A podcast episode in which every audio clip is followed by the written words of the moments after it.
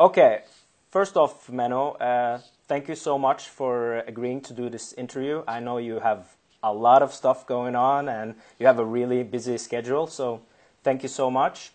Uh, pleasure.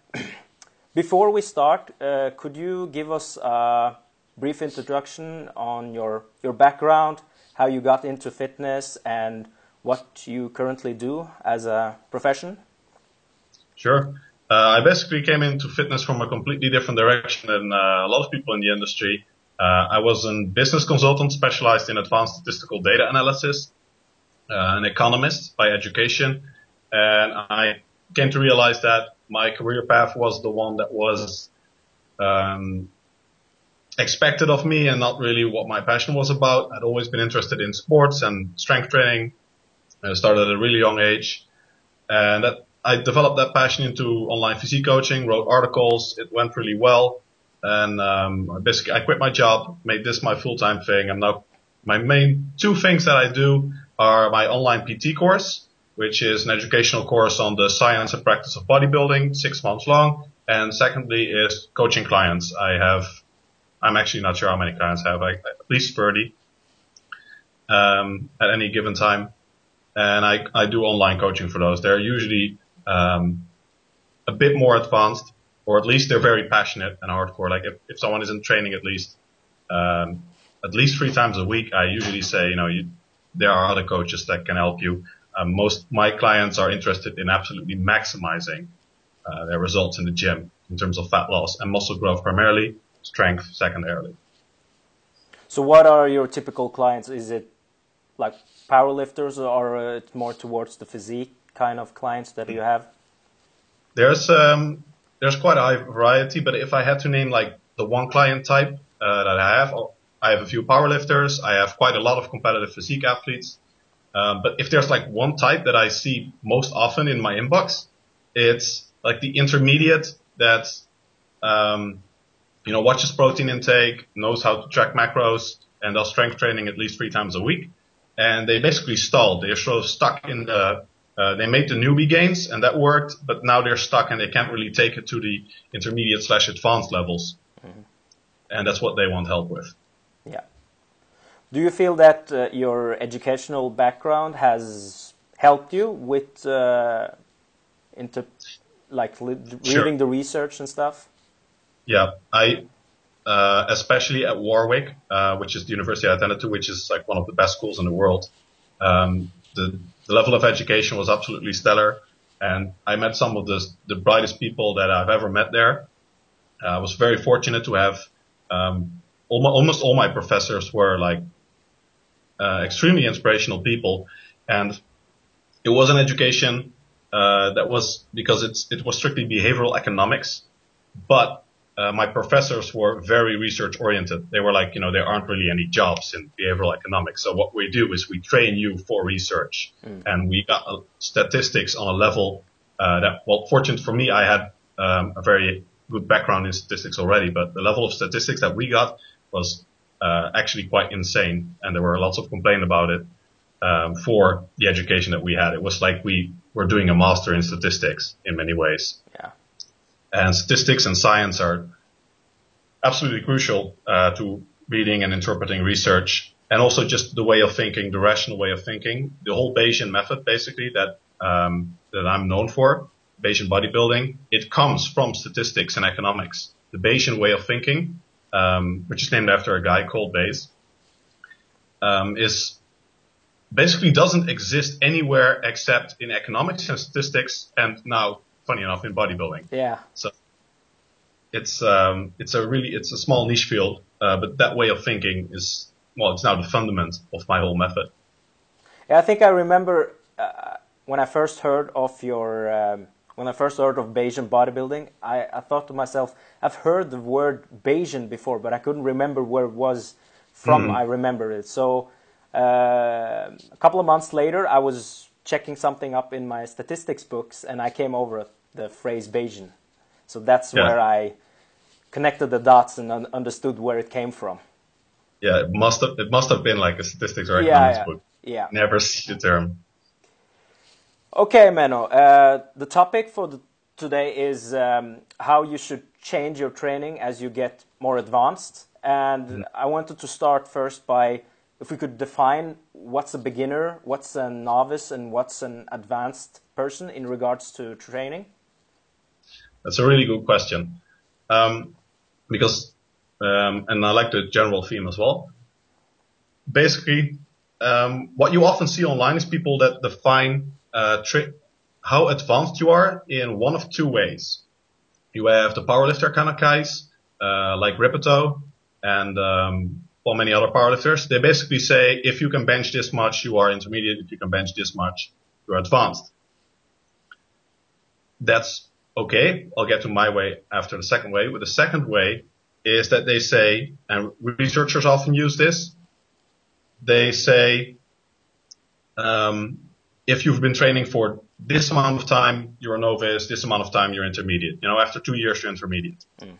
The problem with that way is that you can spend 10 years in the gym entirely unproductively. And this is also what I see in tons of my clients. If I would perform a regression analysis, like I would relate training age to how advanced you are, like how, um, which is the what, what I, um, think it should be, how close you are to your genetic limits then there is almost no relation because so many people get stuck in a certain routine. They do that routine for two years, no results whatsoever. They don't get any more advanced in the way that uh, you want to convey when you're thinking about this. So strength is a good indication, but you need to relate it um, to your genetic limits. And I have an article on that, so I won't go into it too much. Uh, on my website, like predicting muscular potential, there are many ways to do it. You can look at someone's frame size, uh, how many androgenic traits they have. So if they you know, the typical um, easy gainer has like a very masculine build, you know, broad jaws, um, big hands, sturdy frame. You know, it's not just that it's biomechanically advantageous for powerlifting. It's also that having a big skeletal frame, it's like um, hanging um, your clothes onto a rack. If the rack is big, you can hang more clothes onto it. It just it works exactly that way with muscle mass and bone. I think there are even some estimates. There was some researcher that said like every kilo of bone can support five kilo of muscle or something.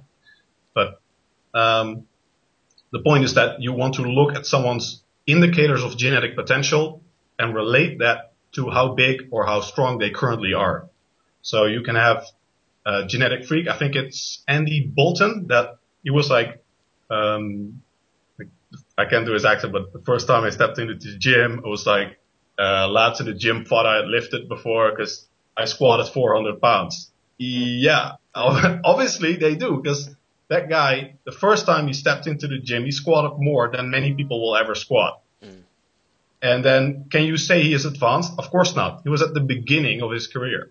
So uh, that's that's like the extreme example of an extreme genetic freak. On the other hand, you have the super hard gainers who actually um, think they're still novices because you know they're not that strong because they just lucked out on the genetic lottery and they need a lot more advanced program to get to a level that many people would consider intermediate because they have better genetics. Yeah, and you also see that a lot in in research that you can put basically a bunch of people on the same training program and some people would make like huge gains. And in some studies you mm-hmm. actually see that people lose muscle mass as well doing the same routine and exactly. one thing that i notice is that uh, it's it's very difficult when you ask a client that what would you consider yourself beginner novice or advanced because people would only uh, answer that question based on how many years they have trained and some people yeah. have maybe trained for 10 years, but it's not been an optimal training program they have been following.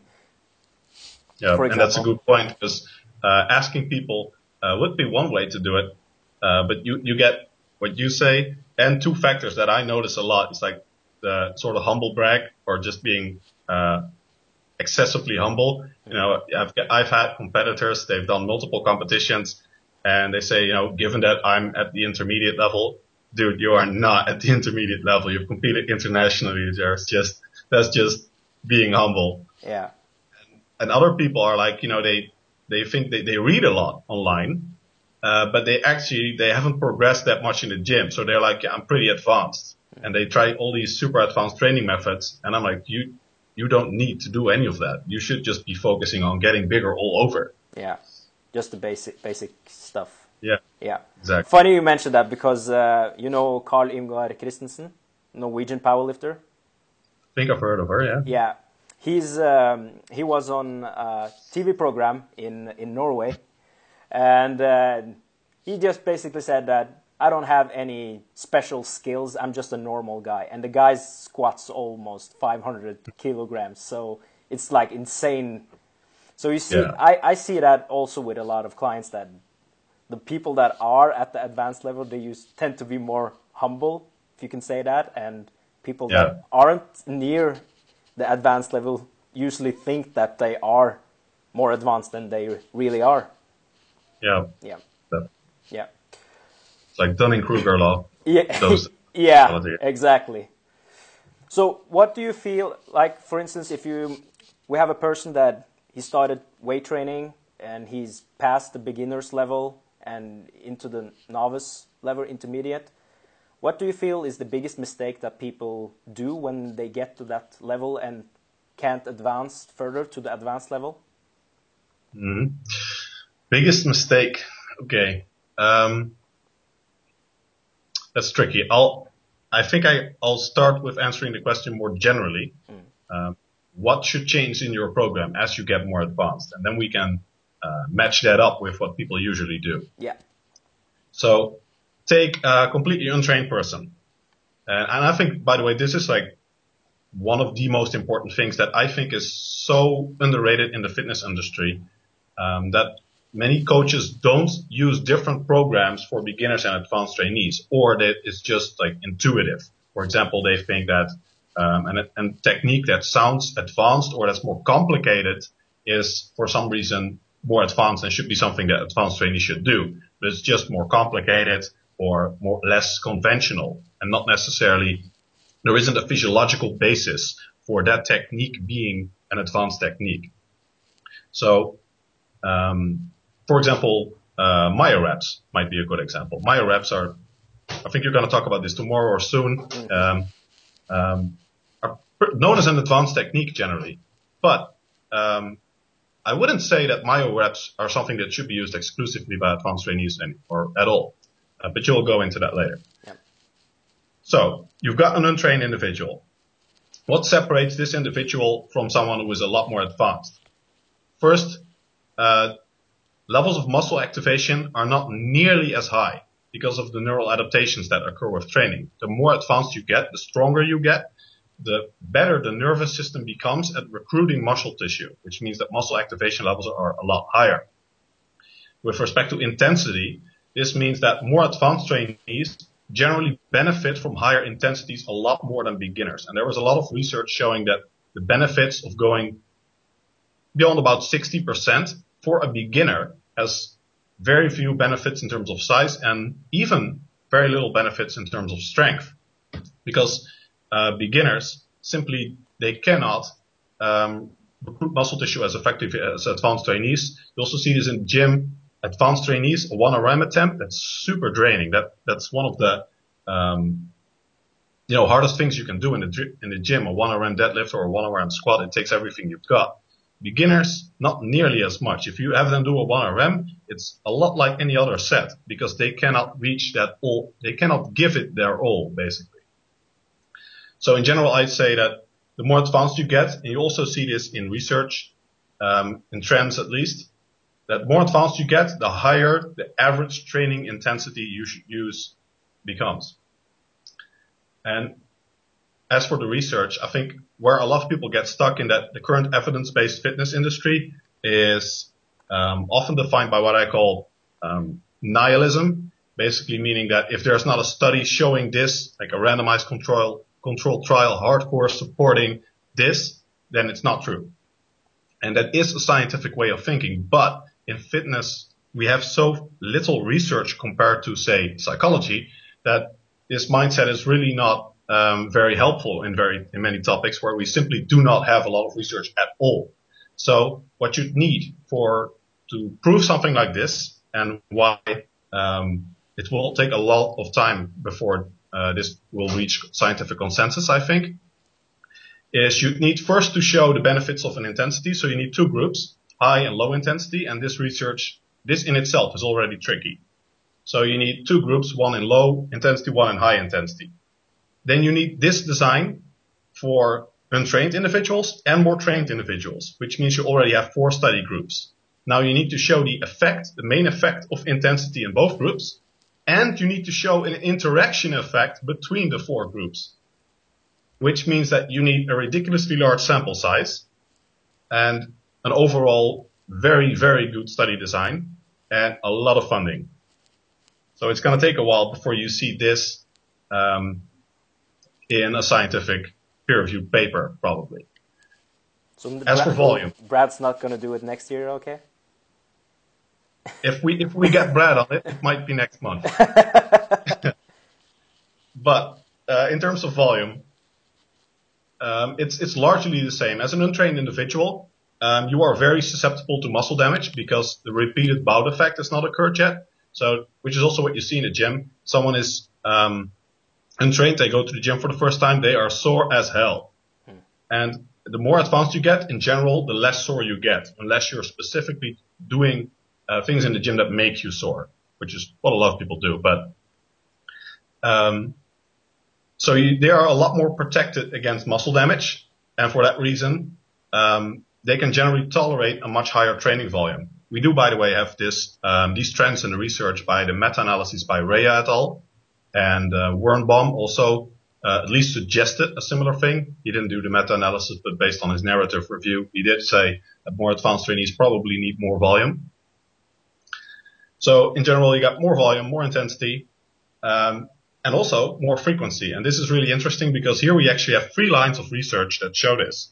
We know that the, the anabolic window, which is really a very long time period where protein synthesis can be increased more than uh, regularly after a training session. So you go to the gym and in as an untrained individual, it can be more than 72 hours after that session. The protein synthesis can be elevated more because this is the process uh, of building new muscle tissue. There's actually, um, I think Body Power is going to post um, my lecture for the Epic Fitness Summit on this, where I go into frequency on a lot of detail. So I'm not going to go into too much detail here, but the brief version is um, that you see this window of anabolic opportunity. What most people think is like this two-hour window, but it's really the whole process of building muscle. This shortens, so you have that line of research showing that this uh, muscle protein synthesis bout, this spike shortens after a training session. Even if you increase volume, by the way, because some people say it's just the volume, it's not the frequency. But uh, researchers have actually tried this. A lot of a lot of uh, studies done by the lab of Stuart Phillips, for example. Even if you increase volume over the training program, you still see this reduction in the time of the anabolic window. We also see this in muscle damage studies on recovery, where advanced trainees are more uh, resistant against muscle damage and overall neuromuscular fatigue. So um, the period of recovery is reduced. Again, means that when you are recovered and supercompensation has occurred, like general adaptation syndrome, uh, you should be training again. So that's another line. And uh, we also see it in the research. If you look at the research on untrained individuals, there are many studies showing no benefits at all of training more than once a week. In more advanced trainees, the trends are very, very clear. You should be familiar with uh, the Norwegian Frequency Project, for example, which is by far the best um, data on highly trained lifters that we have on this. Basically, they compared six versus three times a week, exact same program, exact same intensities, same exercises, same volume, same everything. So it was basically three full body sessions compared to six. And this basically made the difference in these advanced trainees of um, stagnation and very good progress. So in all of these ways, and I think these are the most important ways. There are also differences with like rest intervals that I discussed in my publication on this in SportsMed, uh, together with Brad Schoenfeld. Um, that more advanced trainees generally need more rest between sets. But most of these uh, things point to the more advanced you get, the more specific and the more aggressive the stimulus that you need to build further, further muscle tissue. What you did to get out of the newbie zone, basically, just it doesn't cut it anymore. So you need uh, a smarter, you need to train smarter and harder. to get to the next level. And a lot of people, they get stuck, um, in, for example, you have the, the bro kind of client. Basically what they, uh, get stuck on is training once a week, completely annihilating a muscle group and then letting it recover for about a week and not using high intensities. Um, so, and generally they do use a high volume, but given that the frequency is so low, it may not be sufficient anymore um, to cause meaningful adaptations. So they get stuck into that kind of program, and that works well as long as they are newbies, because newbies they don't need high intensities, they don't need um, uh, the high training frequency. So as long as they don't completely overdo it on the training volume and go Arnold Schwarzeneggerian routine, mm. they should be fine during the novice period. But when they try to keep doing that, they won't make it to the more advanced level or it goes really slow. Um, on that last topic, um, I think that uh, a lot of people say you have these diminishing returns effects and, you know, uh, optimal program design, it may advance your rate of progress, but it won't, um, you know, you get these 5% differences or something they pull from a research study. But in my experience, and what you also see in these studies like the Norwegian Frequency Project, we also have threshold effects, as they're called in statistics, where there should be uh, a certain threshold that needs to be reached before any kind of adaptation occurs in the body. And this makes perfect sense.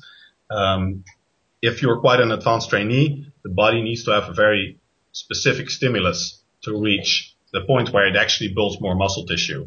Like it's very easy to maintain muscle tissue. It's quite hard to actually lose a lot of muscle mass, especially if you're doing any kind of training.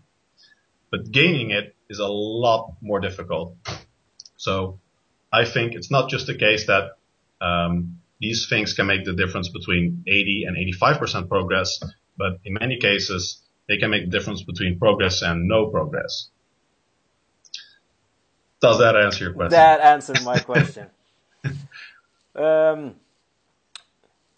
I understand that you are more into the um, higher frequency. So, do you use higher frequency more with the advanced clients that you have, or is it generally sure. that you use a higher frequency? Like, what's the what's the range of frequency that you use with your clients?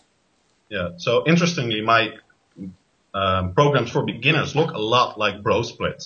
Mm-hmm. They are, you know, they don't have a high frequency. Um, I do make sure that muscle groups, based on my muscle specific hypertrophy articles, that you hit muscles with different functions in different ways, so that you stimulate the muscle, um, all the muscle fibers basically, um, which is also what bros do. And uh, from there, as they get more advanced, I increase frequency, volume, and intensity. So it becomes a lot more like, um, for example, how the uh, national powerlifting team in uh, Norway currently trains. Mm. And that's that progresses as they get more advanced and they get uh, stuck on the more uh, simple routines. Okay.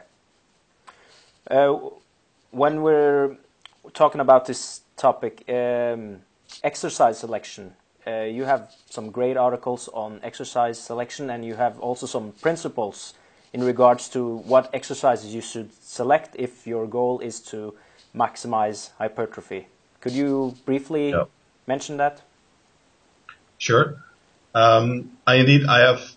Uh, I think the article is called Seven Principles of Exercise Selection. I think in my PT course I now have ten, but uh, the most important ones are still uh, in that article, which um, I think you can find it on T Nation, Simply Shredded, and and JMax Fitness. Probably some other sites too. But um, basically, the principles are going by heart, um, specificity basically, or the limit factor. You need to um, target a muscle group specifically. So if a muscle is not a limiting factor in the performance of an exercise, it's not a really good exercise, which is like for uh, overhead squats it's really the shoulders, not the legs, that are often limiting you. So um, you you don't see I don't see overhead squats really as a kind of squat. It's it's more like an overhead press. It's in that kind of category. Very important principles are range of motion that I also have a separate article on on the blog of Bret Contreras. full versus partial range of motion or both, I think it's called. And there I basically show that full range of motion just almost always dominates partial range of motion in every regard. And even if you mix full and partial range of motions, the trend in the research is still currently that just always using full range of motion is better. Uh, principle that is a lot trickier to understand is matching resistance curves to your strength curve, which means that throughout the exercise, you should always feel that you can produce maximal muscle tension and stimulate the muscle well. For example, if you're doing a dumbbell curl and you're uh, in the bottom position, your arm is stretched out and there is actually almost no tension on the biceps because gravity is pulling the weight straight down. That's not, that's your traps are currently resisting gravity, not your biceps. As you lift the weight, it becomes heavier, heavier because the lever arm increases and um, at about 90 degrees, it's really hard. So that's an exercise with a relatively um, poor resistance curves, poor resistance curve given your strength curve. If you do, um, I have an article on the Bayesian curl, which is basically a cable curl where you stand facing away from the cable station instead of towards it as most people do it. And um, then the resistance curve is a lot better because in the bottom position, which is really important, it's the muscle, it's the position where the muscle is stretched. You also have good resistance and it's a lot more equalized throughout the whole range of motion so that over um, the whole part of the muscle that you are um, training, you actually have high levels of tension and muscle activity. Other important principles and you see have microloadability. You can read up on that in the article. It's kind of more of a practical thing. Um, kinetic chains. You can also read up on that. It can take up a lot of time to explain that. I think those are the most important principles. I understand you're not a big fan of conventional deadlift for as a back exercise for muscle growth. Could you just yeah. briefly explain why you don't feel that that's a good exercise? Yeah. Well, first, let me say, most people when they say, when I say it's not an optimal exercise, they're like, oh, man, say you can't get big on deadlifts. Mm. I'm saying you can get bigger using a very specific targeted exercise selection than someone just doing deadlift. So it's not that deadlifts don't work. It's that an other selection can work better if you are a bodybuilder and you are not training the deadlift to get better at deadlifting.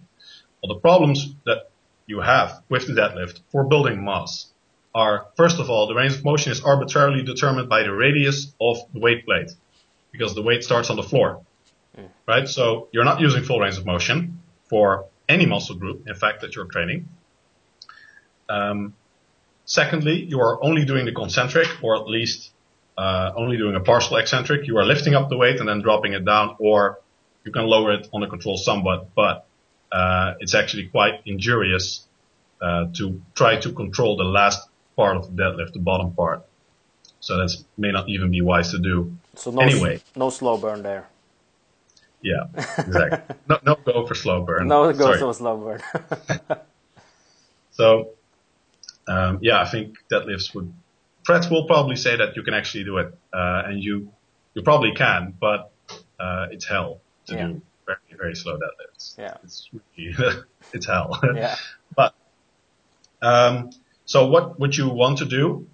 Um, you want to increase the range of motion and you want to incorporate the eccentric component. Well, then you basically have the Romanian deadlift. Now you have full range of motion for the glutes and uh, the hamstrings. You have an eccentric and a, uh, it's, it's, a dynamic exercise, dynamic contraction. So that's great. I'm a big fan of Romanian deadlifts.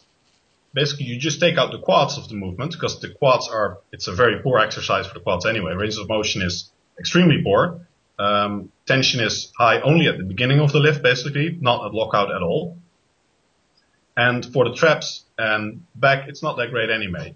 For the erector spinae, uh, the erectors on your back that keep your back upright, it's okay because often you don't want to train those with a full range of motion anyway, depending on how susceptible you are to back injuries. Uh, you generally want to play it safe with the spine because the spinal injury is one of the worst things that can happen in your training career. Um, but for the for the traps, you have other exercises like shrugs, uh, ideally overhead shrugs, by the way. But um, you can do shrugs, anything with which will have a full range of motion and is more targeted towards that muscle group. So basically, the deadlift, conventional deadlift, powerlift deadlift is a great jack of all trades exercise.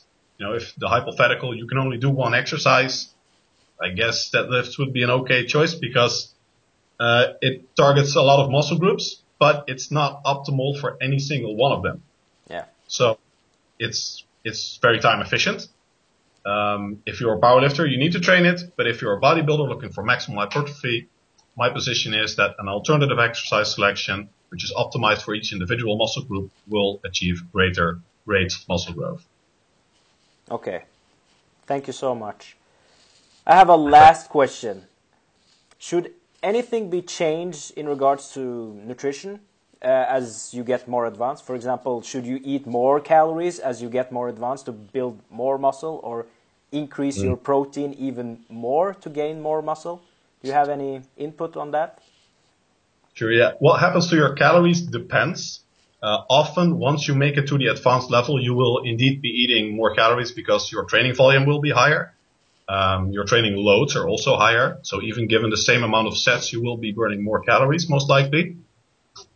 And um, your body mass should be a lot higher. So which can make a few hundred calories difference in your metabolic rate, even if you're resting. Not to mention, the more active you are, the more pronounced this difference becomes. Um, so what happens to your calories depends. Um, let, let, let me rephrase that. Like I was thinking more of your um, calorie surplus in percentage.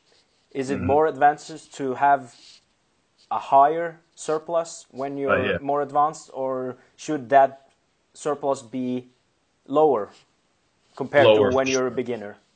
Because when you're a beginner, you're gonna your rate of muscle growth is gonna be so much higher yeah. that you can use all those extra calories. But once you are more advanced, it's simply not gonna happen anymore. So you you can only use a small surplus and using a very large surplus, which is also one of those things that beginners get stuck on using too large deficits, too large calorie surpluses. Mm. So basically they get too fat during the bulk period.